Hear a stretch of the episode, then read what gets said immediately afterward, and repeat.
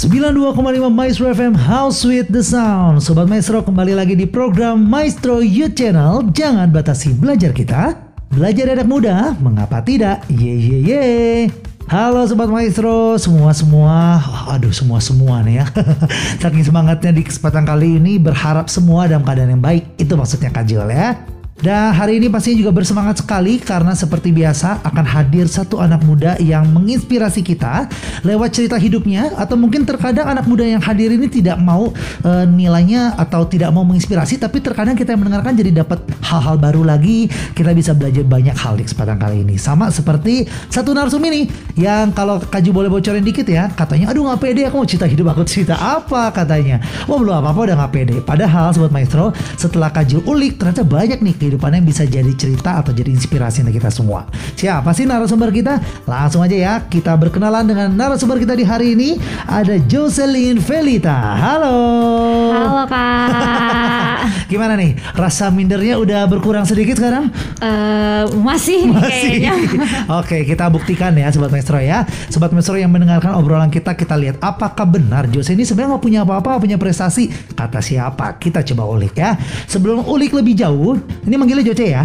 Joce boleh. Joce boleh ya. Emang yang manggilnya biasa apa aja selain Joce? Banyak ya, Lin, kadang oh. Selin, oh. uh, Jocelyn, oh, Joce gitu. Paling senang dipanggil apa? Uh, Joce. Joce ya. Jadi udah nggak sesuai ya dengan panggilan paling sering uh, diucap dan paling senang diucap.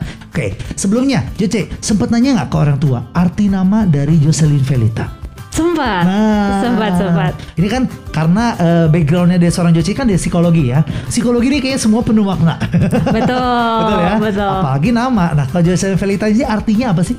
Oke, okay, mungkin dari Jocelyn dulu ya. Mm-hmm. Kalau dari Jocelyn itu adalah diambilnya dari joyful awalnya. Oh. Joyful berarti kan harus ceria hmm. gitu ya. Nah kalau Felita tuh lebih menggambarkan kebahagiaannya gitu. Oh. Jadi kalau digambarkan disatukan gitu ya, uh-huh. ya Jocelyn Felita adalah orang yang selalu ceria gitu, membawa kebahagiaan gitu sama orang-orang sekitar gitu. Wow, itu maknanya. Betul. Merasa nggak kamu akhirnya jadi pribadi seperti itu karena nama kamu? Sangat. Sangat ya? Sangat. Itu dia. Kajul juga mengenal seorang Joci ini anak yang sangat periang sekali gitu ya, excited, ketemu orang selalu humble, jadi ngobrol terus sama semua orang gitu ya. Apakah mungkin ini arti nama juga mungkin juga ya doa mungkin. dari orang tua. Betul.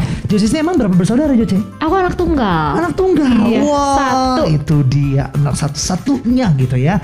Nah ini satu kita akan bacakan dulu beberapa fun fact yang Kajul bukannya dapat dari data dari Joce, tapi ini dari pemikiran Kajul sendiri gitu oh, ya. Okay. Kajul mau berterima kasih dulu untuk Joce karena Joce bisa di mata Kajul adalah seorang agen teman-teman berprestasi. Wah masa sih kak? Iya boleh ya, nggak apa-apa. Karena Joce ini membantu Kajul menemukan narasumber yang beberapa bulan lalu tuh sempat sulit ditemukan gitu ya. Saat bingung, aduh siapa uh, Kajul undang ya. Akhirnya Kajul berpikir untuk mengundang Joce, tapi waktu itu lagi kurang fit ya badannya. Iya ya. betul. Nah akhirnya puji Tuhan udah sehat sekarang ya, sudah, sudah. bisa akhirnya Joce. Tapi sebelum Joce dengan begitu baik hatinya, Joce bilang mau dibantu nggak Kajul? Boleh boleh, coba cariin ada nggak yang berprestasi. Ternyata teman-temannya segudang banyak sekali yang berprestasi gitu ya dan sudah menjadi uh, berkat juga sudah menginspirasi kita di hari ini gitu.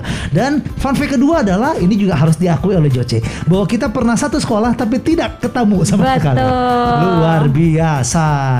Joce akhirnya kita ketemu sebenarnya di satu acara kampus gitu ya. Iya. Nah, yang akhirnya menarik kita ngobrol-ngobrol, setelah ngobrol-ngobrol ternyata baru tahu kita satu sekolah di waktu itu gitu ya. Di waktu itu. Bedanya Joce masih murid, Kaju waktu itu jadi guru. Iya. Tapi hebatnya nggak pernah ketemu, nggak pernah ngobrol, nggak pernah tahu. Betul. Luar biasa ya. Nah, boleh gambarin dong kau gitu memang masa-masa SMA dari seorang Joci. Kalau boleh menggambarkan ya, Joci itu menggambarkan masa SMA Joci itu seperti apa sih? Waduh, hmm. pertanyaannya cukup berat ya berat di ya? awal. Ini pertanyaan pertama loh ini. Waduh. Udah berat sekali loh, gimana nih? Gimana ya? Menggambarkannya sangat-sangat apa ya? Uh, banyak memori ya tentunya hmm. banyak memori ketemu banyak sekali maksudnya latar belakang teman-teman yang berbeda gitu gaya bahasa yang berbeda hmm. dan banyak juga belajar dari kehidupan mereka gitu hmm. dan apa ya kadang kan uh, kita dulu tuh kalau di sekolah-sekolah yang lalu kan maksudnya uh, cukup sedikit nih si orangnya tuh. Nah sekarang tuh kayak ratusan Iya. ratusan gitu kan. Jadi punya mindset yang berbeda, punya gaya bicara, gaya pikir yang berbeda. Jadi di situ kayak benar-benar membuka wawasan, membuka eh, apa ya jalan pikir aku bahwa oh eh, di dunia ini tuh masih banyak nih jenis orangnya gitu. Gitu sih. Jadi SMA kalau boleh digambarkan yang paling dinotis oleh Joce adalah mengerti arti keberagaman. Betul. Kurang lebih seperti itu ya. Iya. Oke. Nah, lebih banyak sukanya atau lebih banyak dukanya di masa SMA nih? Em, kalau SMA sukanya. Sukanya? Betul. Wah, jadi sangat terbayang sekali momen-momen indah di masa SMA ya. Iya. Oke, ini jadi mengingatkan Kajul tentang masa-masa remaja. Nah, gimana kalau kita akan break dulu ya? Kita akan tahan dulu obrolan kita supaya semakin banyak sobat maestro yang bergabung dulu, baru kita akan ngobrol. Boleh, Kak. Nah, sebelum menunggu dan kita akan lanjut, kita akan dengarkan dulu satu lagu dari Hi-Fi dengan masa remajanya. Nah, ya akan mengingatkan kita dengan masa-masa remaja. Ini dia Hi-Fi dengan remaja. Kita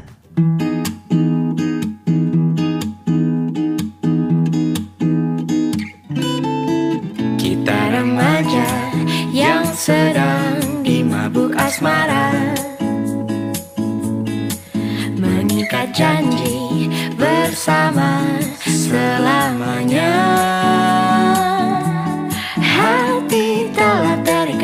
Sepasang mata memikat Melambungkan asmara Yang selalu meminta. Mengulur senja menanti datang. Sang pemilik hati Rela menanti sejak terbit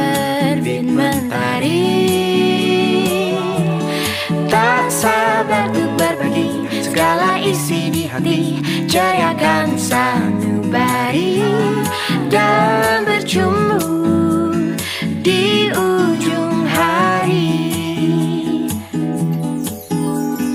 Indahnya kisah kasih kita di masa remaja.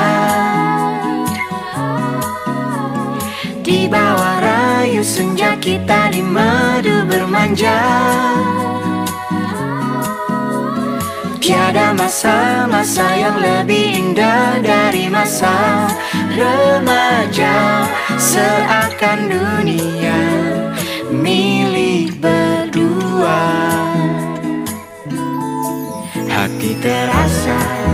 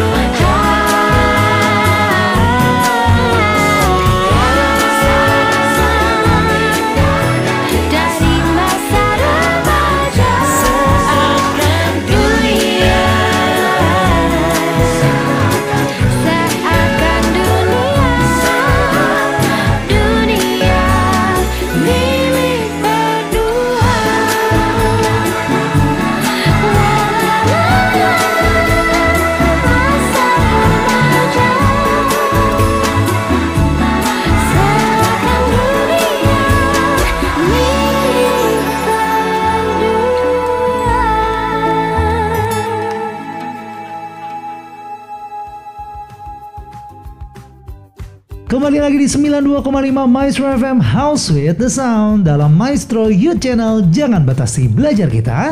Belajar di anak muda, mengapa tidak? Yeay, yeay, yeay. Tadi kalau Sobat Maestro sudah bergabung dengan kita di awal, pasti sudah tahu ya narasumber kita hari ini bernama Jocelyn Felita.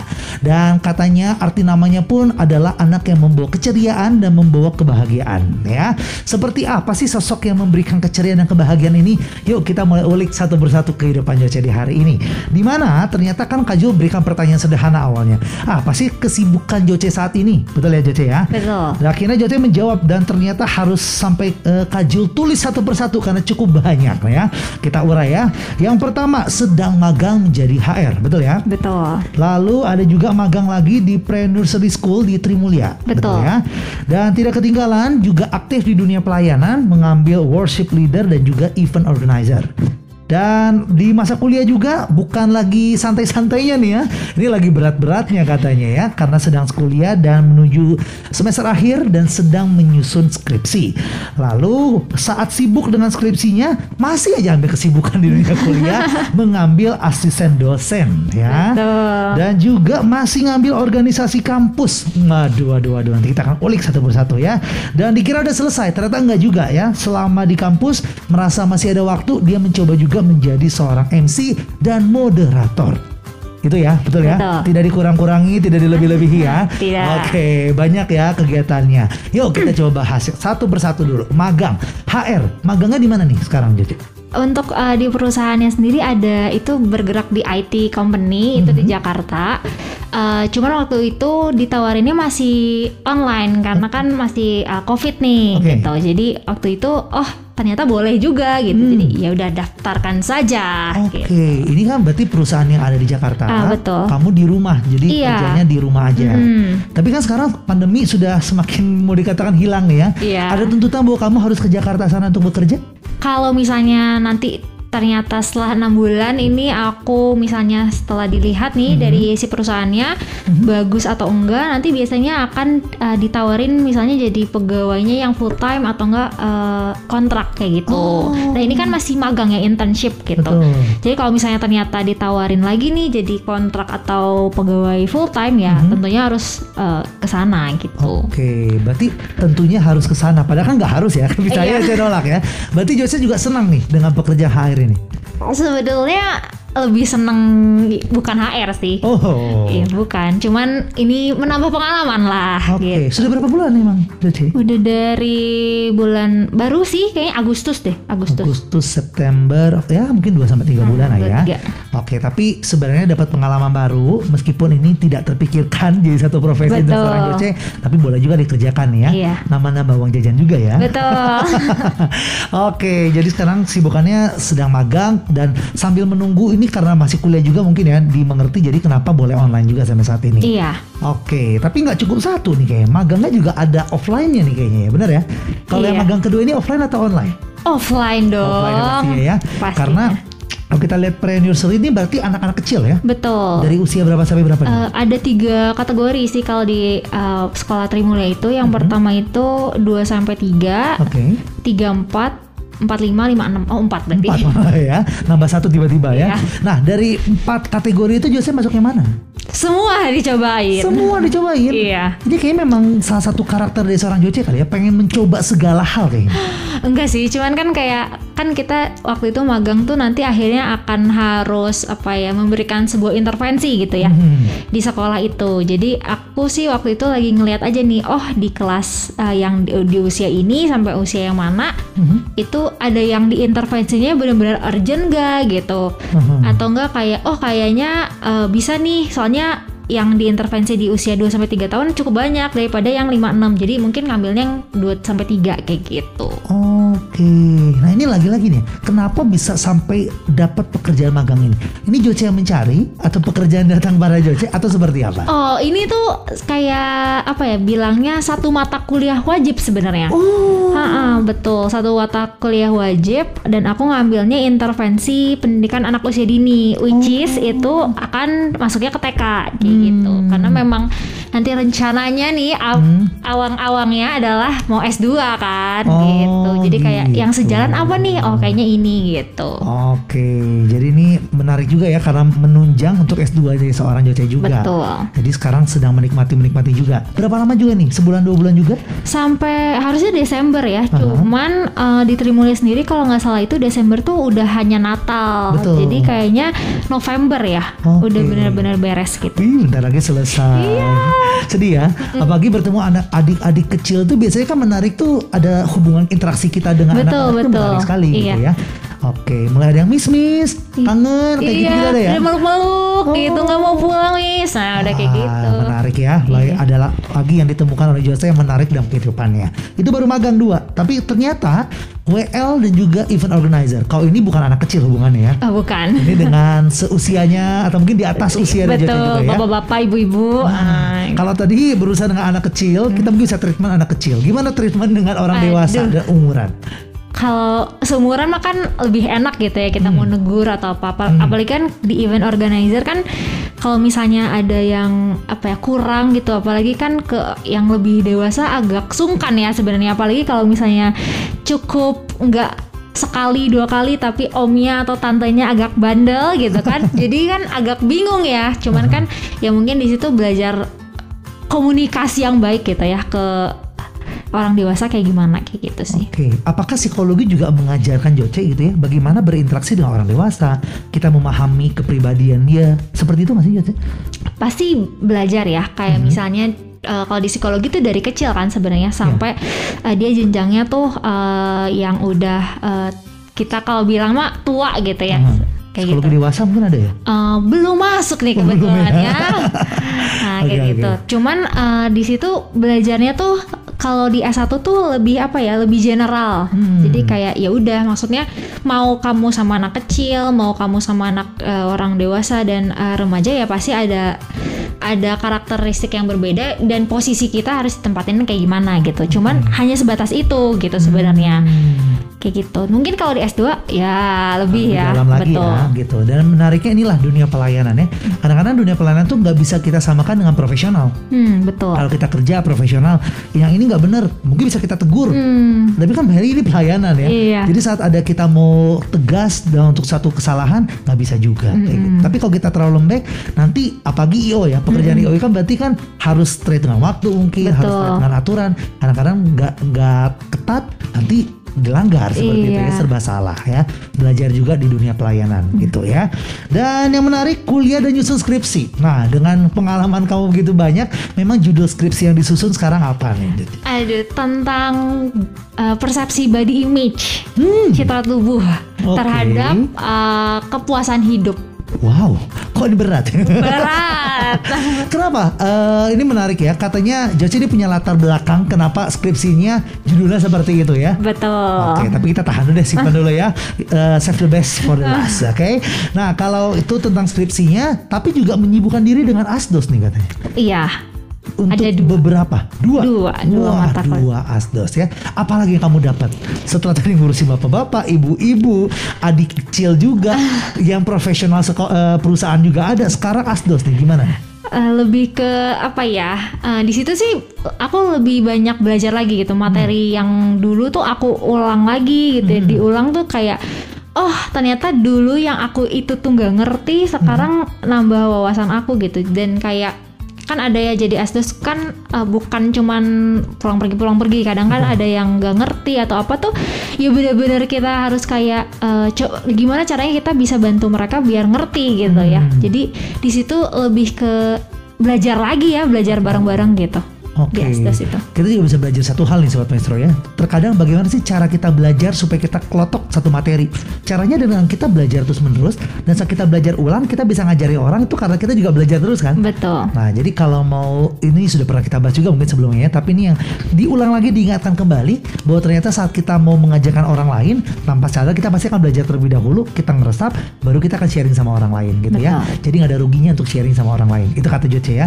Jadi asli bukan ngejar tentang berapa rupiah yang didapat ya? Waduh kecil ya kebetulan, jadi Wah. tidak bisa dikejar itu Ada Asdos tuh. aspirasi Asdos, mari para dosen, para memang nggak bisa dinilai dari uangnya ya, tapi Betul. Hmm. pengalamannya itu juga nggak bisa dibayar, gitu betul. ya, berharga sekali. Nah, kalau Asdos udah cukup sibuk, ini masih aja organisasi kampus. Organisasi apa nih yang Joca ikuti? Sebenarnya udah banyak banget aku kata tahun lalu tuh semua diborong kok. Hmm. Kalau tahun ini tuh cuman ikut dua sebenarnya, tiga sih. Tiga. Nanti empat nih, ntar lagi nih kan Joca gitu tipenya dua jadi tiga tiga jadi empat. Tiga, tiga aja cukup. Apa nih? Eh, kalau yang kemarin sih udah beres ya namanya Sai Sport. Mhm. Itu kayak kalau di kampus aku tuh terkait dengan apa ya perlombaan liga eh, sefakultas se Indonesia kayak gitu. Wow. Tapi eh, biasanya kan kalau offline tuh kayak jadi pertandingannya kayak misalnya olahraga, misalnya basket, Mhm. badminton. Tapi karena ini online jadinya lebih ke Mobile Legends. iya kayak gitu. Terus semua ya? PUBG, ya kayak Oke. gitu. Nah, yang kedua itu adalah yang panitia di eh, se-universitas yaitu Wirata itu yang kemarin kita bersama Hmm. Nah, itu. itu dia. Nah, itu dan eh, yang terakhir ini eh, namanya PPM. Mhm. Itu lebih ke gimana kita mempersiapkan calon-calon ketua hima dan wakil ketua hima di eh, sefakultas di Mar Maranata aku gitu. Oke, supaya mereka siap menjadi kamu yang selanjutnya gitu ya. Menjadi Jangan anggota dong. Himpunan kan? Iya sih, menjadi di dirinya yang terbaik dong. Oh, bukan menjadi Betul. Joce gitu iya. ya. Oke. Karena Joce ini juga bagian dari himpunan juga Iya, sebenarnya kan. betul. Tapi sekarang udah nggak aktif ya? Udah, itu tahun lalu udah lengser saya. Oh, itu makanya kenapa kalau tahun lalu dihitungnya empat harusnya ya. Iya, kan ini tiga. Iya, betul. Oke, yang menarik juga tadi eh, tentang sport karena memang fun fact-nya juga seorang Joce juga suka sport sebenarnya katanya. Suka. Nah, tapi akhirnya eh, dia mendalami hal yang lain. Joce menganggap bahwa sport tuh mungkin suka-suka aja buat games hobi aja gitu ya. Nah, tapi yang menarik yang mau Kaju lebih dalami pembahasannya adalah Wirata ya. Oke. Karena inilah yang membuat Joce berkenalan dengan, Dengan- Kajul ya. betul. Akhirnya kita ketemu, kita bisa ngobrol-ngobrol. Nah, Kajul ini kebetulan kalau lihat di Instagramnya postingannya masih berhubungan dengan Wirata. Karena baru uh, posting-posting nih ya. Oh, iya. Nah, dan Kak juga bilang ini beberapa posting ke depan akan banyak membahas Wirata, mengapresiasi beberapa orang-orang yang luar biasa yang ada di dalam acara ini. Hmm. Salah satunya adalah sesi acara. Nah, kenapa Kak Jul bisa cerita itu? Karena Kak Jul pernah merasakan menjadi sesi acara di acara Wirata atau mungkin sobat master yang bingung apa sih Wirata gitu ya. Ini adalah acara ospek ju- eh, fakultas bukan jurusan lagi ya Universitas. lebih tepatnya Ah. universitas ya. Semua eh, dari fakultas yang ada bergabung dan kita mengospek sebanyak itu orangnya.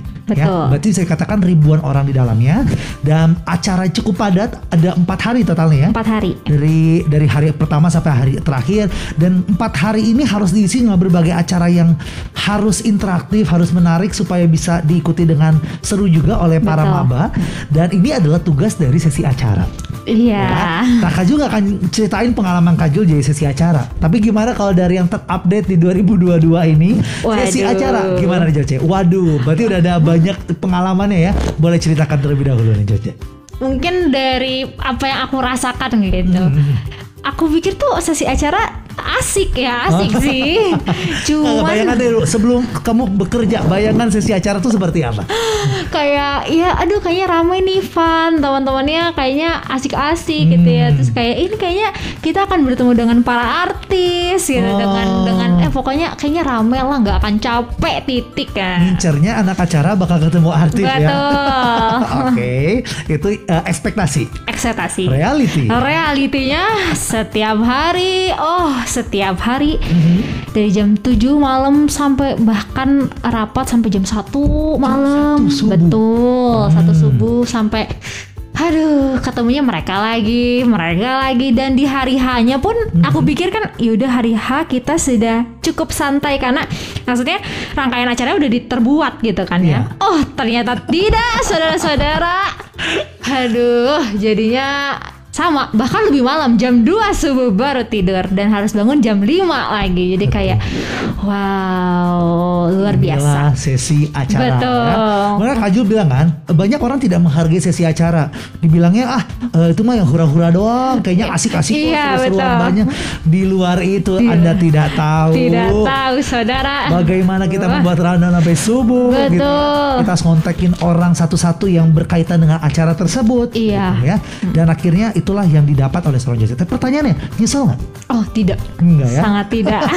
Nah itu dia. Acara itu memang membuat kita kayak seperti gak punya kegiatan lain. Kayaknya harus fokus ke acara itu Iya. aja. Tapi setelah beres rata-rata semua anak acara pasti akan berkata kamu nyesel nggak masuk sesi acara? Kalau mereka yang punya passion di bidang tersebut ya pasti mereka akan jawaban enggak. Dan justru kangen. Iya kangen. Betul ya? Ini sudah lewat dua bulan yang lalu acaranya. Iya. ya kangen kan? Masih. Bahkan ini sama teman-teman yang sesi acara yang kayak dari fakultas yang berbeda itu kita masih kongko kongko Oh, aduh jadi, jadi, dekat. punya teman yang Ah, baru, betul. gitu ya. Nah ini juga yang mau Kak Ju bahas juga salah satunya tentang bagaimana acara ospek ini yang wajib kalau bisa ikut mending ikut. Iya, betul ya ya. betul. Dari segi Jose tadi sudah bicara kalau dari pertemanan itu didapat, pengalamannya juga gitu ya. Atau ada apa lagi sih yang bisa didapat yang mungkin kadang-kadang orang nggak sadar.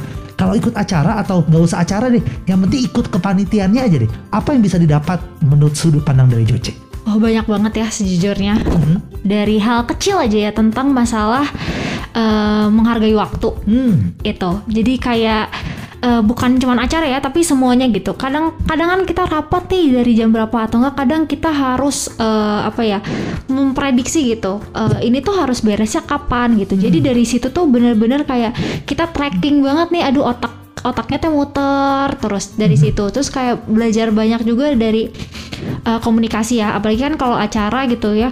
eh, gimana kalau misalnya ada yang kurang atau gimana gitu. Gimana caranya kita menyampaikan itu tuh tidak menyakiti hati Hmm. si A, Mhm. tapi acara tuh berjalan dengan lancar gitu. Hmm. Banyak banget lah yang di eh, yang apa ya yang aku dapetin gitu. Bahkan bukan dari kalau kepanitiaannya sendiri gitu ya, benar-benar belajar juga kerja kerja sama, Oke. kepercayaan juga Mhm. gitu. Ah, karena sejujurnya ah, aku tuh orangnya yang kalau bisa tuh aku semua deh gitu. Hmm. Nah itu kan eh, nggak baik ya di Betul. dalam satu kepanitiaan gitu. Jadi di situ belajar jadi apa yang mengasah kekurangan yang aku punya. Mhm. Oh ternyata eh, mempercayakan sesuatu hal pada orang lain tuh itu hal yang bagus loh gitu. Hmm. Kayak gitu. Jadi banyak belajar lah. Gitu. Kamu belajar untuk ngajari Superman tapi Betul. jadi super team ya. Betul. Dan itu didapat sekali lagi di kepanitiaan yang kamu Iya. bilang tadi ya itu yang luar biasa yang sebenarnya kalau dijabarkan masih banyak sebenarnya ya Hmm, banyak. yang kadang-kadang terlupakan tapi secara tidak langsung kita udah merasakannya sendiri kita Iya. tahu gitu ya. Nah, makanya Kak Ju boleh sharing dikit juga ya. Boleh. Eh, Kak Ju kan pernah bilang juga di Instagramnya Kak Ju bahwa Kak sampai hari ini menjadi satu bagian pekerjaan Kak Ju menjadi seorang Master of Ceremony itu nggak bisa terlepas dari acara itu loh. Jadi suatu hari bener-bener saat ikut kepanitiaan pertama kali seseorang menunjuk Kak Ju kamu jadi eh, MC-nya di Hmm. acara puncaknya. Nah itu akhirnya bener-bener pengalaman yang anak muda yang nggak tahu apa-apa. gitu. Mungkin pasti banyak banget kesalahan di waktu itu, tapi akhirnya belajar sampai hari ini dipercaya. Salah satunya bisa bertemu dengan Jose juga. Ya, Iya. ini juga salah satu peluang gara-gara ikutan acara ini, Hmm. gitu ya. Nah, tapi kalau kita ngomong dari dunia MC-nya deh, karena ini dipilih oleh Jose juga ya. Iya. Sesi acara nggak akan lepas namanya jadi orang yang ada di depan menjadi seorang MC. Tapi kalau bagi teman-teman yang berpikir sesi acara kan jadi MC doang seru, santai kerjaannya. Waduh. Kita mah ketawa aja ya Jose ya. Yang merasakan pasti tahu bagaimana susahnya jadi sesi acara. Tapi kita nggak usah ngomongin itu, kita ngomongin tentang MC-nya. Apa yang kamu bisa pelajari dari Hmm. Waduh. menjadi Master of Ceremony? Waduh, aduh ya sejujurnya aku tuh orangnya juga pemalu tahu Hmm. untuk untuk kayak misalnya apalagi itu lingkupnya besar sekali gitu ya. Betul. Aduh yang dipelajarin adalah Waduh, Apalagi apalagi menarik ini nih ya, Joce ditunjuk menjadi MC untuk acara puncak. iya dan itu tuh kayak pressure-nya adalah aku dipasangkan oleh Kajul gitu loh. Itu tuh pressure gitu, takutnya membanting gitu. Yang Ah. awalnya nggak pernah nggak ada pengalaman dari, maksudnya adanya tuh kayak ya MC-nya MC di fakultas, Oke. MC di gereja, which is yang kayak kalau salah pun ya udah gitu. Kalau ini kan kayak rektor pun ada, aduh, nanti Menarik, nama menarik. saya bagaimana, nah Aha. kayak gitu kan. Cuman yang di situ dipelajarin adalah eh, itu ya, eh, apa ya, em, benar-benar harus humble ya. Hmm. Kalau aku waktu itu belajarnya ap- mungkin karena kita nggak nggak tahu apa yang harus dilakukan gitu ya Mhm. jadi itu yang membuat kita belajar terus Aha. dan kayak apa nih mau ngedenger gitu masukan kritik dari orang lain gitu apa nih yang harus diubah gitu dan dan yang enggak jadi Superman itu Mhm. jadinya kayak ya itu apa sih yang harus diubah terus eh, aku kan selalu ngomong kak ada ada yang Kurang kurang enggak?" nggak gitu Iya, iya, kan iya, iya. karena aku nggak tahu apa-apa nih kayak gitu sorry ya kalau misalnya nanti eh, kalau latihan banyak salah gitu Hmm. yang awalnya jadi mungkin minder cuman untungnya bersyukurnya bertemu dengan Kajul gitu orangnya sangat suportif ya saudara-saudara. Jadi kayak ya udah gitu. Ya hal yang salah pun jadi kayak gak apa-apa jadinya di bawah fun jadi nggak kelihatan salah gitu Iya, bisa dinikmati lah Iya, ya. betul. Oke, ini satu bocoran juga buat gambaran sobat maestro gimana Kajul menilai Joce di awal gitu ya. Joce ngechat, "Kak, nanti kita akan jadi MC bareng." Oke, nggak apa-apa. Akhirnya kita ketemu dulu ya di Gladiator Six. Siap, kita ketemu ya. Yang menarik adalah saat udah nyampe Joce juga memberikan satu kertas nih kak cue cardnya dan ini semua full kata demi kata semua ditulis oleh Joce. Ini yang membingungkan Kajul. Wow, kamu MC-nya bener-bener baca satu persatu kata-katanya gitu. Itu memang terinspirasi kamu lakuin itu sendiri atau gimana Joce? Soalnya kayak eh, takut aja ada yang kemis kan Eh, jadi kayak udahlah apakah emang justru aku nggak tahu bahwa cue card tuh isinya kayak cuman poin-poin sejujurnya ya nggak tahu Oh. gitu jadi kayak kayaknya sih Heeh. eh, ya udahlah ditulis aja gitu kalau misalnya ada yang mau di cut ya bisa di cut gitu Hmm. tapi daripada lupa terus kayak ngeblank di tengah Aha. jadi kayak ya udahlah aku tulis gitu Oke, ini sebenarnya satu pengetahuan juga yang mendengarkan juga ya bahwa ternyata menjadi seorang master ceremony pasti kita punya namanya cue card. Cue card di tangan kita. Sebenarnya dilakukan Joce itu nggak salah. Banyak MC-MC melakukan seperti itu Oh. supaya tatanan katanya rapi, nggak ngeblank juga di tengah-tengah acara. Jadi setiap kata ditulis di dalam cue cardnya. Itu nggak salah Joce. Cuma kalau Kaju yang pengalaman, maksudnya pengalaman Kaju itu nggak suka dengan seperti itu, pengennya kayak poin deh supaya kita bisa lebih improve Oh, kata-katanya. iya, iya. Jadi gak ada yang benar gak ada yang salah ya. Yang lakukan Joce juga tepat, Kaju juga tepat. Akhirnya kita memilih jalan tengah ya. Iya. kalau masih ingat akhirnya tidak dihapus semua kata-katanya. Tapi kalau dari Kaju suka poin, akhirnya Kaju lebih fokuskan pada poin. Iya. Joce yang lebih suka eh, kalimat yang udah struktur semua sudah tertulis, melakukan seperti itu Iya, gitu ya. betul. Akhirnya kita belajar berkolaborasi. iya Dan gimana kalau kamu sendiri ya menilai diri kamu, kamu cukup puas nggak dengan kamu sebagai MC di acara kemarin? Eh, cukup ya Hmm. sejujurnya dengan tidak ada apa ya pengalaman sebelumnya gitu Hmm. ya dan belajar dari kakak waktu itu eh, iya udah poin-poin aja biar improve gitu jadi itu benar-benar aku cobain gitu sebenarnya di Ya. rumah jadi walaupun sebenarnya itu kalimat udah aku tulis Aha. tapi itu tidak mengikuti kalimat itu gitu Oh, cuma patokan aja Iya gitu ya. kayak gitu. Jadi akhirnya oh bisa nih ternyata aku nggak improve. Apalagi kan yang kadang-kadang kakak tuh tiba-tiba suka nanya sesuatu hal yang tidak ada di situ, membuat aku panik. Cuman Iya. eh, di situ belajarnya eh, apa ya belajar cepat berpikir, eh, Hmm. berpikir cepat cepat. Jadi ya apa nih yang harus aku tembal gitu. Sekali lagi yang menarik ya, Joce jadi belajar hal baru juga. Iya, betul. Tapi yang Kaju suka itu, Joce itu menunjukkan bahwa dia serius mau bener-bener berlatih di MC itu. Jadi kamu bener persiapannya matang sekali. Kaju juga lihat, wow niat sekali anak yang satu ini ya, menulis setiap kata demi kata. Terus eh, kita latihan, kayaknya ini nggak usah deh, iya. Besok kan dia rubah lagi semuanya satu persatu. Dan bagaimana kamu punya hati yang terbuka itu juga penting, Joce ya. Karena banyak orang yang, ya udah karena merasa dia udah bisa, jadi kayak dia kasih tau apa pun nggak mau denger. Ah udah bisa lah, aku udah bisa. Jadi akhirnya dia nggak belajar hal yang baru juga, gitu ya. Bersyukurnya Joce juga mau membuka hatinya, membuka pikirannya. Akhirnya dikasih tahu juga akhirnya nurut dan akhirnya belajar juga sama-sama, gitu ya.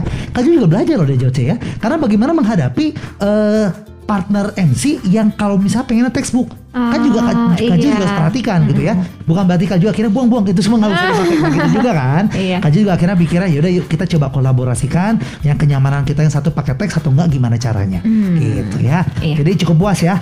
Cukup lagi ya puas. kalau misalnya ada acara kampus lagi tahun Waduh. depan menjadi MC mau lagi nih? Atau enggak atau pertanyaan gini deh. Setelah acara tersebut adakah yang mulai Cece bantuin dong acara ini? Ada nggak? Lebih ke waktu itu jadinya apa ya mungkin jadi jadi ya udah nanti eh, kamu datang lagi aja ke sini atau enggak waktu itu dari ada cici pip gitu ya Oke. kalau misalnya kamu tuh kenapa eh, bil- bilang ke Cici awalnya minder gitu Mhm. tapi pas Cici lihat tuh kayak kayak bukan kayak orang yang nggak punya pengalaman gitu jadi kayak Hmm. nanti kalau misalnya ada bahkan eh, nama kamu yang pertama ada di memori aku kata Asik. gitu. cuman ya di situ kan jadi karena belajar karena nggak tahu apa-apa itu loh maksudnya Aha. jadi yang tadi yang open heart itu Oke, jadi akhirnya mulai nih ya ke depan akan banyak eh, tawaran-tawaran yang baru lagi itu yang bersyukur ya. Daripada kita ngomong saya jago, taunya hasilnya lebih negatif Iya, jelek ya. betul. Lebih baik kita bilang aku nggak bisa, tapi kita berikan yang terbaik. Ini juga satu notis dari Kajul juga. Bagaimana kalau latihan? Jujur ini malu-malu banget Maestro ya. Harusnya ada rekamannya kita bisa lihat ya. Jangan. Tapi menariknya setelah hari haknya bener-bener kita eksekusi, Cuci bener-bener tampil percaya diri. Nah itu yang satu juga yang Kajul nggak waktu itu pernah ngomong ke Joce juga, itu yang Kajul mau notice juga. Jadi Kajul sendiri juga merasa eh, bersyukur bisa kenal sama Joce dan menurut Ka- eh, Kajul juga Joce melakukan yang bagus kemarin dan sesuai dengan partnya juga keren Joce Puji ya. Tuhan. Puji Tuhan. Kita lanjutkan lagi ke topik yang lainnya karena banyak sekali topik dari seorang Joce ini yang katanya nggak ada topik. ya. Ternyata obrolan kita udah cukup panjang nih ada aja topiknya. Di mana ada fun fact dari seorang Joce katanya ini luar biasa sekali nggak bisa sehari aja nggak ketemu orang. Ah betul. Betul ini ya. Ini dialami dari kecil, dari SD udah teman-teman semua kayak gitu atau mulai bawel bangetnya itu di SMA atau seperti apa Joce? Sejujurnya mungkin baru ngar bisa ngerasain bahwa nggak bisa ketemu orang itu adalah di eh, SMA. SMA. Tuh, ya betul. Oke. Karena kalau di SMP itu eh, lebih ke ada jam pulang ya oleh orang tua. ya. Iya betul. Oke, Jadi oke, kayak eh, ya udah gitu. Hmm. Bener-bener sekolah pulang sekolah pulang gitu. Kalau SMA udah lumayan nih dikasih kepercayaan bebas sama orang tua, apalagi kuliah. Mhm. Dan ternyata di situ saya lebih nyaman di luar ya, karena kan mungkin aku anak tunggal ya. Betul. Anak tunggal nggak ada yang diajak ribut, nggak ada yang diajak komunikasi gitu. Dan kedua orang tua aku juga kan bekerja gitu, jadi sebenarnya di rumah pun sendiri Iya, gitu. iya, iya. Jadi luar jadi wah ketemu banyak teman. Sebenarnya lebih ke apa ya ketemu banyak temennya adalah eh, apa ya membangunnya saling support ya untungnya Hmm. lingkungan pertemanan anak tuh jadi kayak misalnya stres kuliah misalnya stres eh, sekolah atau ada pergumulan eh, di keluarga justru itu tuh yang kayak oh aku bisa ngasih apa nih kayak sharing kehidupan aku juga terus kayak mereka juga terus apa nih yang bisa kita capai bareng-bareng sampai sekarang kayak gitu sih Oke, jadi yang sportif aja gitu ya. Iya. Meskipun ada juga pasti menemukan ya yang nggak sportif atau enggak yang ada melemahkan. betul Temukan sampai saat ini atau sudah dibuang di masa lalu atau gimana? Ada sampai saat ini Aha. karena aku kan orangnya nggak enakan ya. Cuman jadinya lebih ke eh, aku yang harus bisa mengatur kapan say enggak gitu sih. Hmm, Oke, ya ini menarik ya. Karena yang ada ceritanya juga nih kita akan mengulik semua fun fact fun fact dari Joce ya. Karena Kak Jo sudah punya catatannya. Ternyata dia mengaku seorang yang ambisius. Waduh. Waduh, dalam kuliah gitu ya. Ternyata setelah ditelaah, ambisiusnya bukan cuma kuliah ya, sudah terjadi di masa-masa SMA juga. Nih, kalau orang mengaku dirinya ambisius gitu ya, ada yang bilang kayak nilai harus 100 semua gitu. Tapi kalau seorang Joce boleh mendeskripsikan ambisius versi Joce, emang ambisiusnya kayak gimana coba? Aduh. Apa ya? Aku justru nggak sebenarnya awalnya nggak tahu bahwa aku tuh orang yang ambisius. Tapi orang-orang tuh selalu ngomong, "Cel, lu tuh kenapa sih jadi orang tuh ambis banget?" Nah, Ah. itu tuh kayak terngiang-ngiang terus kayak mikir gitu. Masa sih aku ambis gitu. Jadi ternyata tuh memang mungkin dari SMA tuh ya nggak tahu ya orang demennya main, aku demennya belajar gitu ya dulu SMA Jarang sekali terjadi. aneh kan ya aku pun aneh nggak cuman mungkin lebih kepada eh, aku tuh selalu apa ya selalu mikir tuh eh gak mau ngecewain orang tua gitu ya apalagi di pendidikan gitu Oke. jadi mungkin dari hal dari karena apa ya terngiang-ngiang itu jadi gimana caranya supaya selalu ngasih yang terbaik jadi yang terbaik gitu Mhm. nah jadi tuh mungkin kadang ada yang over kan dan itu tuh kan gak baik ya sebenarnya Tuh. jadi kadang nggak mencukuri apa yang aku dapat sekarang gitu jadi ambisiusnya apalagi eh, ini ya masalah cita-cita gitu ya Hmm, yang awalnya benar-benar selama berapa ya setahun ya waktu Aha. itu setahun aku itu apa ya mau masuk kedokteran Aha. cuman eh, apa ya sebenarnya aku mau masuk kedokteran tuh dari kecil banget dari el el nah, dari Oh, orok gitu dari ya. lahir "Pak, aku mau dokter. iya mau dokter Mama gitu lebih serem ya, karena aku udah bisa ngomong pas baru bayi baru lahir gitu iya. ya. enggak enggak. Cuman aku memang eh, awalnya pengen dokter banget gitu. Hmm. karena eh, dulu tuh eh, mama aku juga mau jadi dokter. Cuman waktu itu ada masalah finansial jadi nggak Hmm. bisa gitu. Jadi akhirnya jadi seorang psikolog gitu. Nah em, aku akhirnya mau jadi dokter adalah selama satu tahun sebelumnya aku tuh bener-bener yang kayak bener-bener belajar gitu ya. Belajar eh, ke les A, ke les B, ke les C dari jam 4 pulang sekolah sampai malam jam 10 baru tidur terus jam 4 harus bangun lagi gitu ya. Itu bener-bener kayak gitu selama satu tahun. Jadi kayak nggak ada tuh yang namanya main bersama teman-teman ke kafe itu tuh nggak ada tuh selama satu tahun satu tahun itu. Bener-bener itu mah aduh sebenarnya nightmare ya sejujurnya Wow, jadi ini benar-benar nggak ada berhentinya untuk mengejar itu semua Iya, gitu ya. betul. Nah, ini sebenarnya akan Kajul bahas lebih dalam lagi di part yang kedua, di mana nanti kita dua. akan ngobrol ya, Iya. supaya ini sobat besar dengarkan seambisius apa dan Aduh. ada apa di balik cerita dari seorang menjadi psikolog ini ternyata ada balik ceritanya juga ya. Iya. Ini tadi sudah dibongkar sedikit, tapi sedikit aja. Tapi yang mau Kajul notice di sesi pertama ini adalah benar atau tidak bahwa seorang ambisi yang dimiliki oleh Joce ini sampai membuat dia akan belajar sampai pernah mimisan, sampai lupa nggak makan. Separah itu Kak Joce. iya nih itu sudah dia lakukan di masa SMA atau kuliah aja atau gimana? oh yang parah sih kuliah Yang parah kuliah. yang parah kuliah Justru bukannya seperti bertobat dari SMA ke kuliah tapi makin menjadi ambisius ini ya. Karena kan waktu itu eh nggak Eh. bisa. Ceritanya kayak mau cerita tapi nggak boleh Iya. cerita gimana gitu ya. Tapi eh, itu terjadi di masa kuliah ini Iya ya. kuliah waktu itu bener-bener apa ya? Ya mungkin karena ya itu pengen selalu ngasih yang maksudnya pengen gue harus jadi top nih gitu ya. Hmm. Bener-bener kayak gitu jadi ya bener-bener bahkan tuh aku ada mindset kayak gini. Misalnya contoh ada empat tugas nih ya dalam Ya. satu sebenarnya deadline-nya masih minggu depan. Hmm. Cuman aku selalu matokin tuh gak mau tahu tugas tuh harus beres hari ini. Padahal Padahal masih minggu depan. Dan itu tuh yang membuat aku stres sendiri kan. Iya, iya, iya. Karena stres sendiri kayak aku nggak boleh makan sampai misalnya tugas pertama beres. Itu kamu yang nentuin. Iya, bahkan tuh kayak maka mungkin sampai sekarang jadi kalau udah nugas tuh bener-bener lupa semua.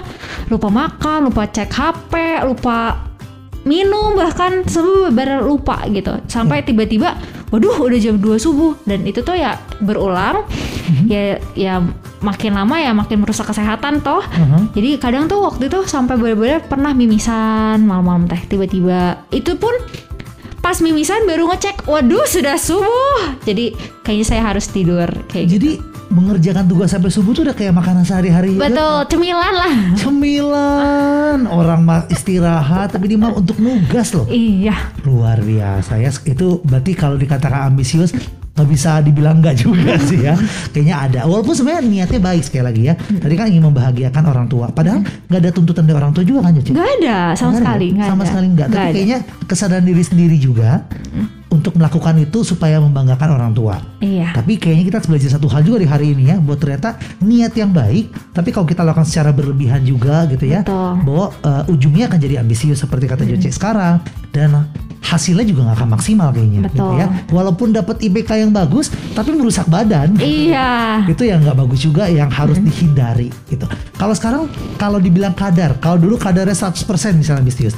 Apakah kadar ambisiusnya sekarang berkurang, Iya, 85 Coba itu tetap ambisius ya. Nggak, Ya 70 lah bisa lah 70, 70. Bisa dikorting dikit lah ya. Iyalah. 70 Oke. Okay. ya menarik. Kayaknya kita akan bahas lebih dalam lagi Apalagi sesuai dengan janji Kajul Yang tadi menahan-nahan cerita Joce gitu ya. Di sesi yang kedua kita akan coba membahas tentang Seluk-beluk kenapa Joce bisa menjadi psikolog padahal cita-citanya ingin jadi seorang dokter. Ah, tadi sudah dibuka ya. Iya. Nah, ini akan menarik banget karena Kajul juga sangat terberkati dengan cerita ini dan berharap Sobat Maestro juga bisa belajar banyak dari cerita Joce. Sesaat lagi kita dengarkan di sesi kedua. Kalau sekarang kita akan rehat dulu. Mungkin kita akan kasih satu lagu dulu untuk Joce juga supaya bisa lebih tenang ya. Ada satu lagu dari Gereja Mawar Sharon dengan tenang supaya bisa Anda bisa nikmati juga. Dan kita akan ketemu lagi sesi kedua. Jadi tetap bersama kami ya di 92,5 Maestro FM House with the Sound.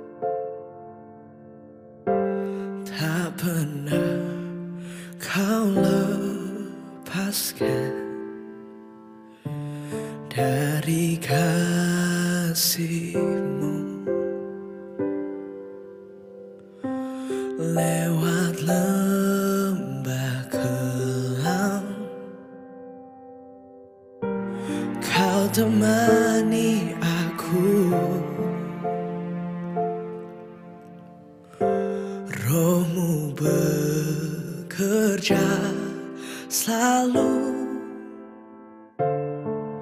untuk kebaikanku.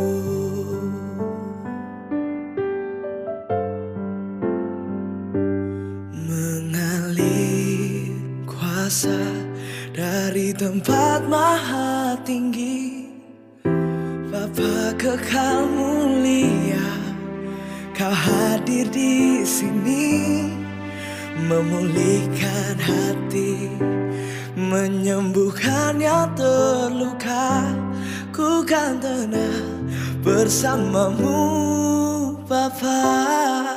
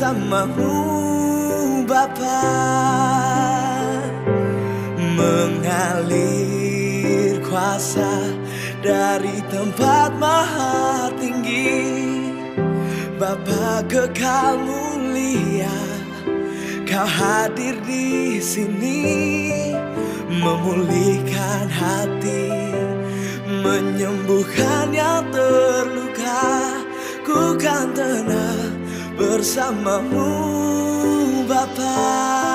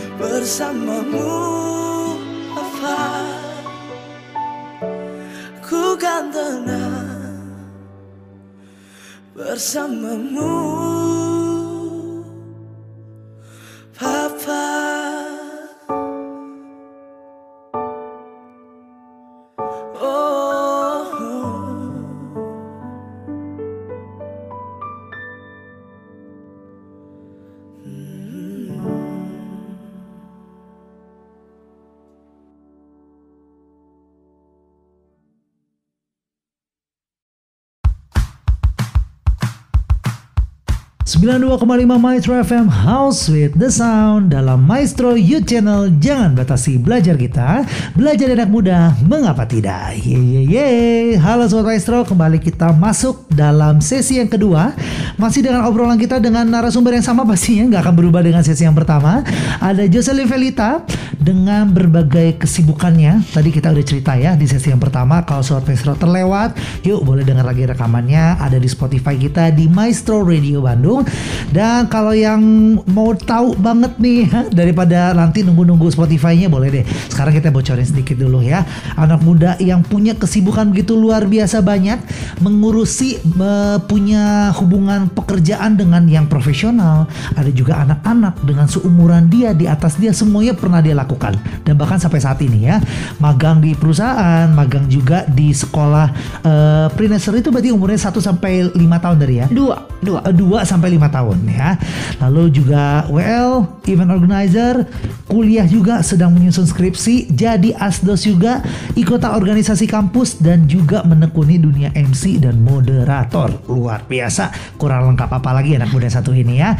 Dan yang menarik adalah tadi kita sempat katakan bahwa eh, seorang Joce ini punya cita-cita ingin menjadi seorang dokter. Tapi hari ini seorang Joce ini sudah berprofesi menjadi seorang psikolog. Belum, belum oh, belum ya? lulus. Belum lulus. Jadi belum ngaku dirinya sebagai psikolog Iya. ya.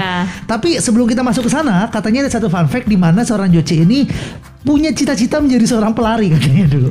Betul, betul banget. Ini menarik ya. Dari dokter, psikolog, ini kenapa pelari? Ingin lari dari kenyataan atau seperti apa Aduh, ini? kalau bisa eh, nggak Waduh. bisa ya. Jangan, Ah. jangan. Ah, Oke, waktu itu mungkin lebih nggak aku nggak tahu ya. Dulu tuh eh, di TK itu tuh ada eh, lomba lari. Hmm. Dan waktu itu eh, papi aku selalu ngomong kayak waktu itu cerita ya, Iya. kamu tuh kayaknya kalau jadi eh, pelari juara deh kayak gitu kan. Hmm. Terus tuh ternyata pas lari tuh aku tuh juara satu waktu itu tuh TK tuh ya. Oh. Dan itu tuh aku pikir kan ah paling juga sama cewek-cewek lain. Enggak, itu tuh ternyata sama cowok-cowok pun aku aku yang menang waktu itu. Oh. Sampai ada medali dulu.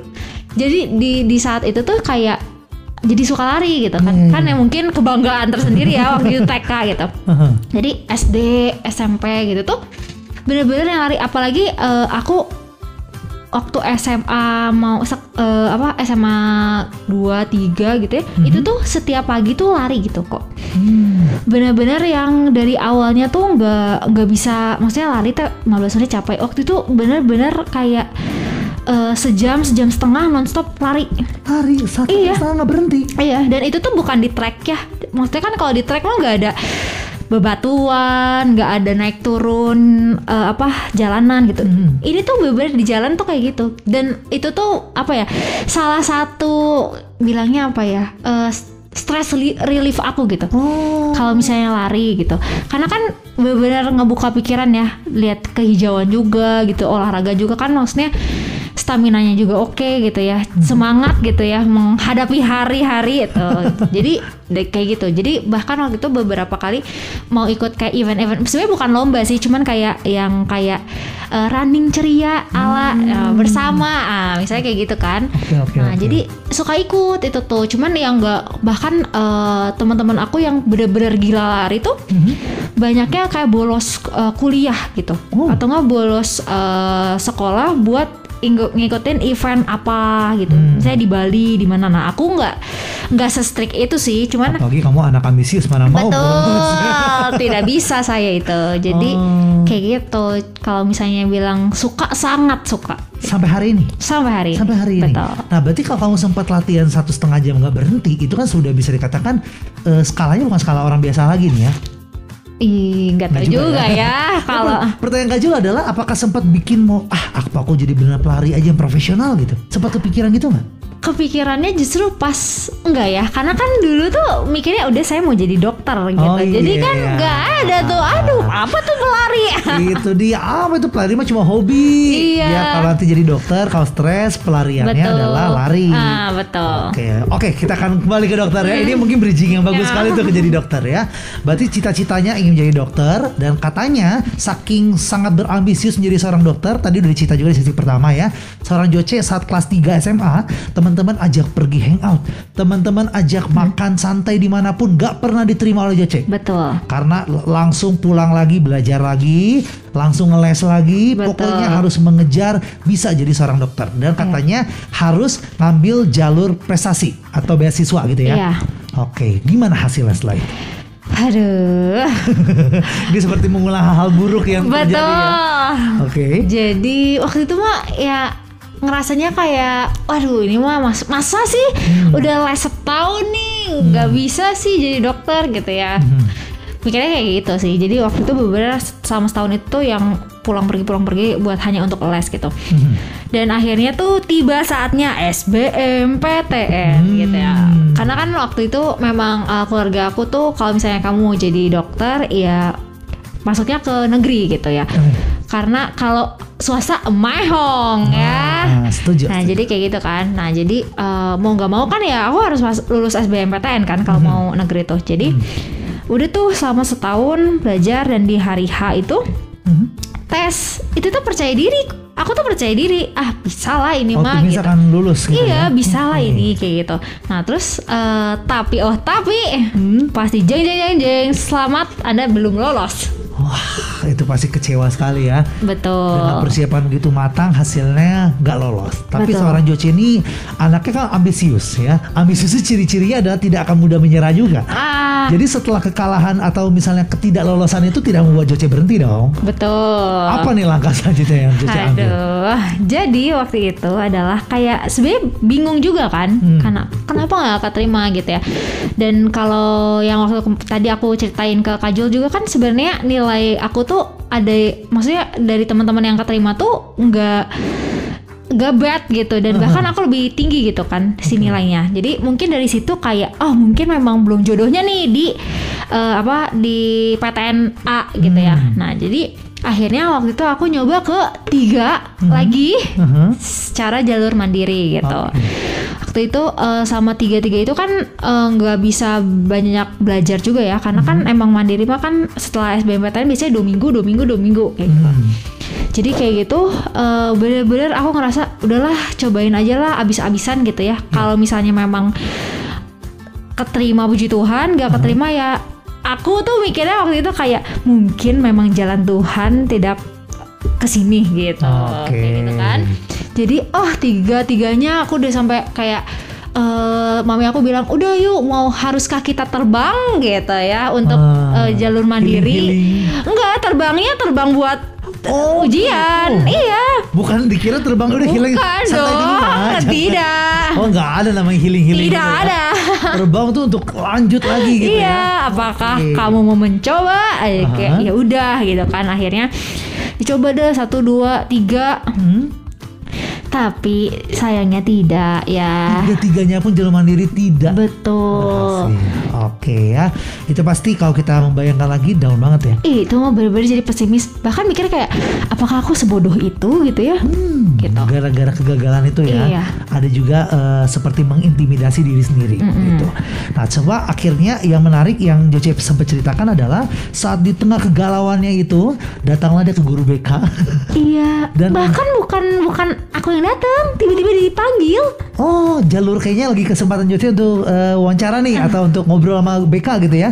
Akhirnya kamu tumpahkan semua kegelisahan kamu, kemarahan kamu karena tidak lolos itu. sejujurnya tuh aku nggak nggak aku tuh nggak yang stres terus ngomong ke BK atau enggak Oh enggak? cuman bah eh, BK-nya sendiri yang tiba-tiba manggil aku. Oke. kayak ayo kita ngobrol yuk udah lama. Kayak gitu tiba-tiba kayak nggak tahu juga ya mungkin itu salah satu rencana Tuhan gitu ya. Mhm. jadi dari situ tuh ya tiba-tiba dipanggil gimana kamu eh, mau ujian lalala gitu ya. Enggak bu enggak bla gitu ya. Terus tiba-tiba dia ngomongnya kayak ya udah kamu masuk aja psikologi dengan santainya dia ngomong gitu ya.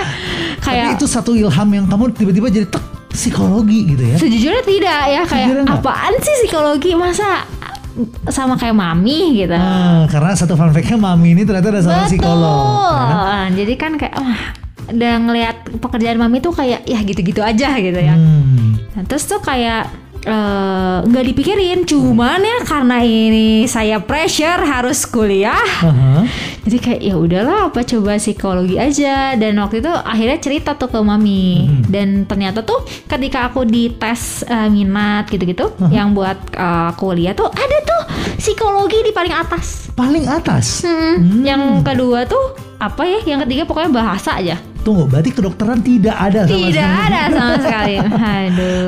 Oke, berarti dari bakat minat kamu juga nggak ke sana mungkin, Mungkin ya. ya nggak tahu juga Oke, ya. akhirnya karena bakat dan minatnya tadi adalah psikologi yang paling atas, coba-coba deh. Iya coba-coba waktu itu kayak Hmm. ya udah nggak apa-apa dan sebenarnya waktu itu tuh mikirnya bahwa eh, awalnya tuh apa ya ya nggak tahu ya mungkin ngerasanya karena udah down waktu awal jadi kan Hmm. harusnya kan bisa nih nyari sekolah yang mungkin eh, kalau negeri kan kita lebih dipandang gimana gitu ya Betul. Hmm. nah jadi kan udah capek lah aku teh jadi udahlah masuknya swasta aja kayak gitu Oke, tapi ternyata yang harusnya tidak diharap-harapkan mungkin misalnya lulus nggak lulus langsung diterima gitu ya. Betul. Semua berjalan beasiswa sangat 100% lancar. pula Wow, ini Jadi dia ya. kayak- Kayaknya kalau kita boleh ngomong rencana Tuhan, kadang-kadang gitu. Kalau memang rencana Tuhan, semua dimudahkan. Iya, Tapi ya. kalau bukan rencana Tuhan, kayaknya nggak di sini deh, Joce. Mungkin akan dipersulit. Sepertinya. Gitu ya. Nah, gimana nih? Setelah ini kan berarti udah mau masuk skripsi, bisa Udah. dikatakan sudah semester akhir, sudah menuju ke end game dari S1-nya. Cukup eh, menyesalkah masuk psikologi dari seorang Joce? Sejujurnya tidak ya, puji Tuhannya tidak. Hmm. Bahkan kayak mikirnya kalau aku waktu itu masuknya ke dokteran, Hmm. waduh bisa masuknya bukan kedokteran tapi rumah sakit jiwa kayak. dengan ambisiusnya yang harusnya Iya, sempurna gitu ya. betul. Karena eh, itu ya eh, psikologi menurut Joce ini kayak gitu-gitu aja santai gitu ya. Hmm. Tapi ternyata dengan tugas yang dilakukan dengan ambisius yang berlebihan, mimisan ini cerita aja ya. Ada juga lupa makan, Hmm. sampai kesehatannya juga sempat terganggu. Apalagi kalau kedokteran. Mungkin Iya, mikirnya kayak gitu kayak gitu betul. ya. Oke, tapi setelah eh, dijalankan beberapa tahun ini, gimana dunia psikologi di mata kamu setelah menjalankannya? Hmm, kalau orang bilang ya psikologi adalah rawat jalan. Nah, rawat jalan. itu emang bener ya sejujurnya yang aku rasakan gitu Oke. ya. Karena di psikologi tuh eh, apa ya? Yang tadi loh kayak misalnya kan ada teori misalnya tentang eh, well-being atau ada teori tentang misalnya yang academic stress atau apa gitu ya.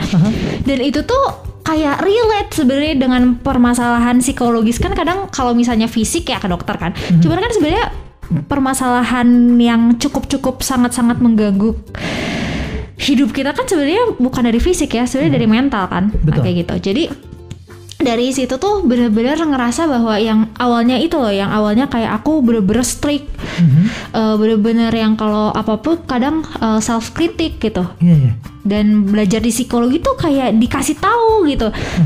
eh, ABC-nya gitu. Terus dikasih tahu juga kenapa sih orang bisa sampai self kritik, kenapa orang bisa sampai eh, apa? Ya pokoknya down depresi, apa cutting gitu-gitu tuh kenapa dan itu tuh belajar. Jadi itu dari situ oh kayaknya gue udah nggak well being nih. Nah, dengan teori-teori itu sebenarnya.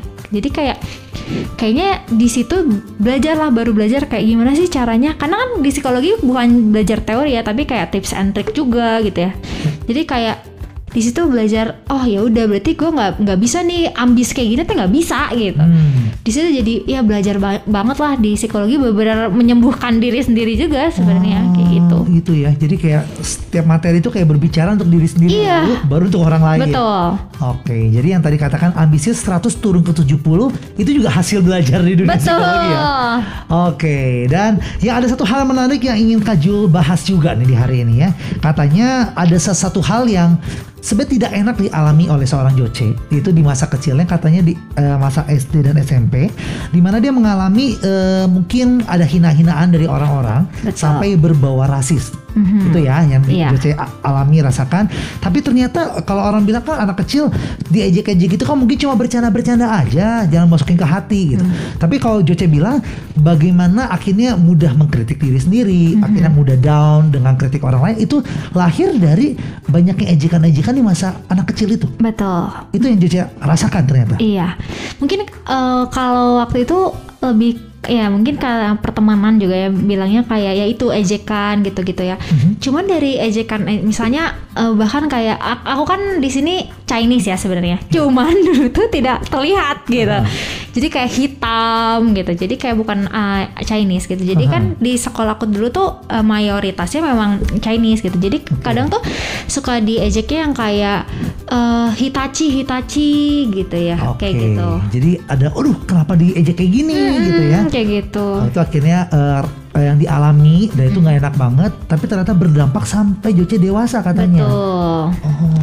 Benar-benar ya pokoknya bukan cuman bukan cuman rasis itu sih sebenarnya cuman Hmm. lebih jadi jadi semua gitu kayak misalnya aku kan keriting dulu ya Iya. ya diejeknya ih si kribo kayak gitu Oh. terus misalnya gendut udah gendut hitam gitu kan dulu kan jadi kayak ya di, diejek sih sejujurnya cuman eh, apa untungnya eh, setelah eh enggak sih enggak untung ya jadi dari situ tuh bener-bener yang pengen apa ya pengen berubah nih jadi 180 derajat Aha. jadi Joce yang berbeda gitu yang nggak akan dilihat Nah, orang orang. tuh negatif gitu Aha. sejujurnya jadi bahkan yang waktu itu yang sampai olahraga mungkin salah satu stress eh, relief lari itu tuh karena mau ngurusin badan juga gitu jadi yang setiap hari itu lari terus sampai dari waktu itu turun 10 kilo waktu itu tuh bener-bener yang kayak ya pokoknya supaya gimana supaya aku nggak keriting gitu ya sampai ya pokoknya semua lah aku coba dilakukan supaya merubah penampilannya Betul. yang awalnya dihina sampai nggak dihina gitu ya.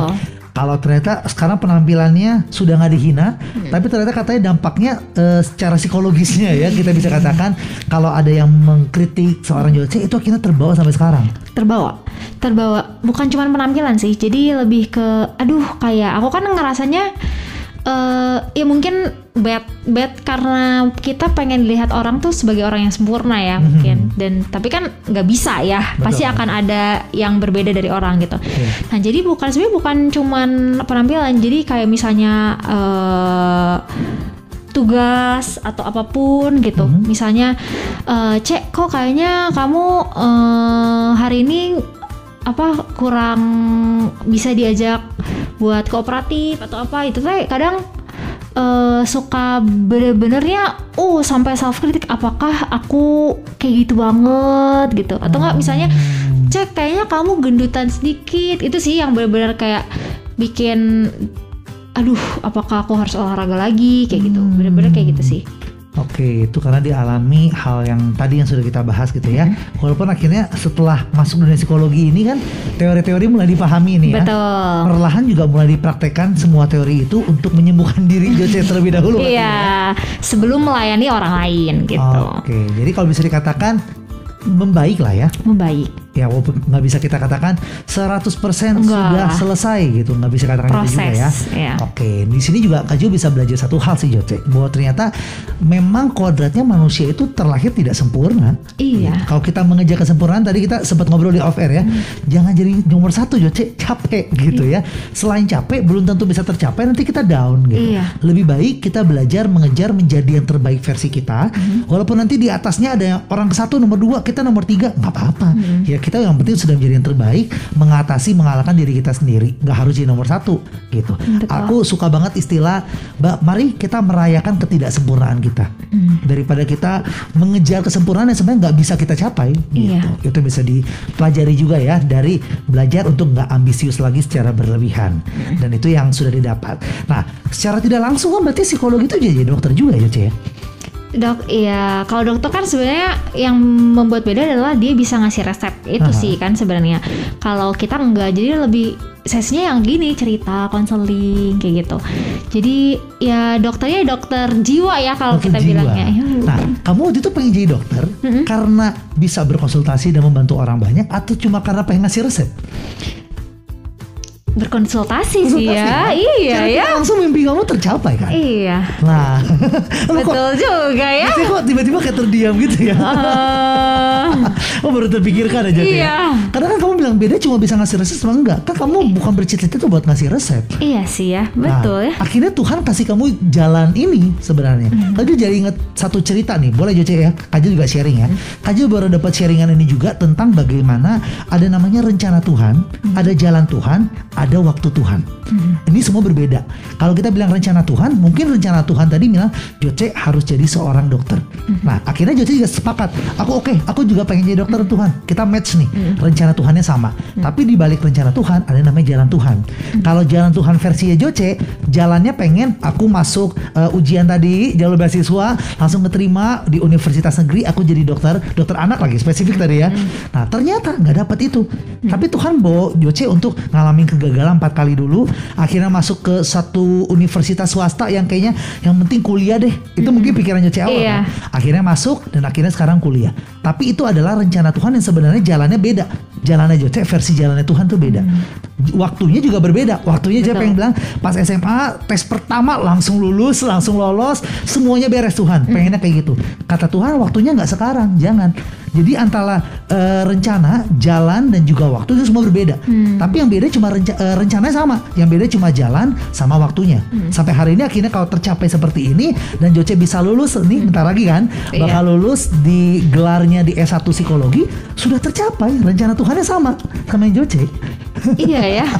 Aku jadi baru terinsight ini. Aduh. Wah bagus ya Harusnya kan Joce yang sharing ya Iya. Gak apa-apa. Ini emang tempat kita belajar. Kadang-kadang yang kita obrol ini Bisa jadi bermanfaat untuk semua orang gitu ya. Mungkin mendengarkan juga nih ya Terkadang kalau Sobat Maestro yang punya keinginan Aku pengennya ini Mungkin Tuhan juga pengen ya, Sama dengan apa rencananya dari Sobat Maestro semua Tinggal kalau jalan dan waktunya berbeda Jangan dipaksakan gitu Karena ujung-ujungnya semua akan sama Selama kita ikut aja Jalan Tuhan mau ke mana Dan itu akhirnya tercapai Nah makanya ini yang katanya Seorang Joce ini nggak puas pengen jadi S1 psikologi ya Karena katanya kalau S1 psikologi itu nggak bisa untuk membuka praktek betul Gak ya? bisa, Nggak iya. bisa buka praktek. Sedangkan mimpi dia seorang Joce adalah bisa buka praktek, Bisa bisa, buka. membantu banyak orang. Betul. Oleh karena itulah katanya ada wacana pengen S2 nih. Iya. Kalau ada pilihan ya, tadi kan kita udah ngobrol ya. Ternyata ada pekerjaan mulai hadir, tawaran gaji besar. Satu lagi adalah kesempatan Joce diterima di universitas yang Joce mau untuk S2 psikologi. Harus memilih A dan B, kerja atau kuliah. Joce akan memilih apa? Kuliah. Kuliah. Hmm. Karena itu ya, ada hal yang belum terselesaikan yang harus diselesaikan terlebih dahulu ya. Kalau misalnya kerjanya kerjanya sebagai apa gitu? Kalau misalnya kadang kan eh, kalau misalnya kerja, aku kan mau jadinya klinis anak ya, ya kayak bener-bener bener-bener apa ya? Karena kan sebenarnya eh, tingkat pendidikan tuh apa ya? Ya maksudnya membantu anak-anak yang apa ya? Kayak misalnya kekurangan, misalnya dia telat bicara gitu, atau nggak dia kayak eh, motorik yang kurang, itu kan sebenarnya adalah salah satu apa ya orang tua kan nggak mau ya anak kayak gitu gitu Setuju. dan aku pun nggak mau gitu sebenarnya Hmm. jadi kan kalau untuk kerja kerja misalnya jadi psikologi orang jadi HR itu mungkin mau cari duitnya kali ya, Ya, mungkin ya, ya. tapi kalau aku lebih ke dari dulu tuh karena mungkin pengennya eh, ya itu gitu apa sih yang bisa aku lakuin gitu buat karena aku suka anak kecil ya udah anak kecil gitu Oh, spesifik ya. Bahkan kalau S2 udah klinis anak ya. Ah, betul. Langsung jawabannya udah ke sana ya. Oke, jadi itulah pilihan seorang Joce meskipun nanti mungkin ada tawaran besar gaji HR, bukan itu mimpi Joce ya. bukan Oke, jadi akan fokus ke S2 psikologi spesifik klinis anak membantu anak-anak yang membutuhkan bantuan dari Joce. Betul. Gitu ya. Oke, ini sebelum satu lagi sebelum kita menutup cepat banget jalannya waktu ya. Luar biasa. Ini yang menarik adalah tadi belum kita bahas bahwa saat eh, Joce bergumul dengan bagaimana dia sering mengalami self kritik, dia minder yang begitu luar biasa, ada yang menyembuhkan Joce.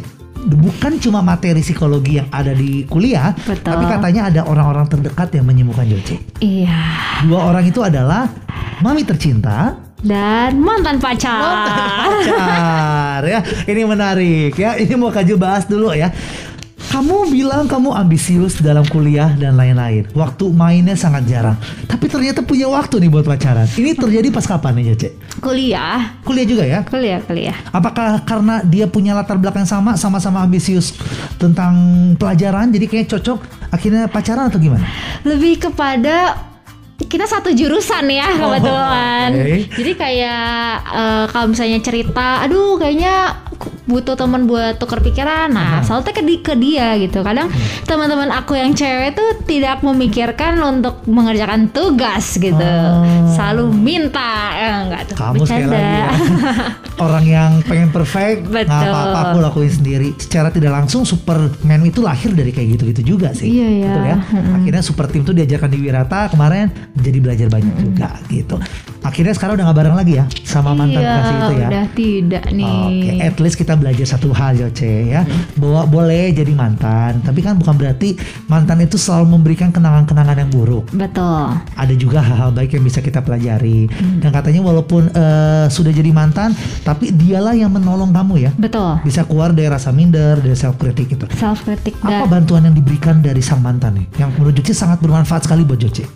Wah, belajar banyak banget ya. Maksudnya dia tuh orangnya yang sangat-sangat eh, dewasa, Mhm. sabar, eh, dan apa ya, eh, selalu kayak mikirnya tuh eh, coba eh, pilih gambar besar. Mungkin kalau cowok gitu ya, Mhm. gambar besarnya gimana gitu. Jadi benar-benar waktu itu misalnya kalau aku self kritik yang aku kan eh, kalau misalnya udah benar-benar stres gitu tuh bener-bener yang sampai nangis kejer Mhm. dan itu tuh di depan dia kan sebenarnya di telepon sih sebenarnya ada kadang ketemu tuh stresnya tuh bener-bener kayak gitu tuh dan apa ya yang awalnya dia ya sabar banget lah sabar kayak sa- satu kata yang eh satu kalimat yang buat aku akhirnya kayak hayu aku harus coba bangkit adalah eh coba eh, kalau misalnya ada masalah jangan nangis. Itu tuh tidak menyelesaikan masalah gitu. Oke. gitu.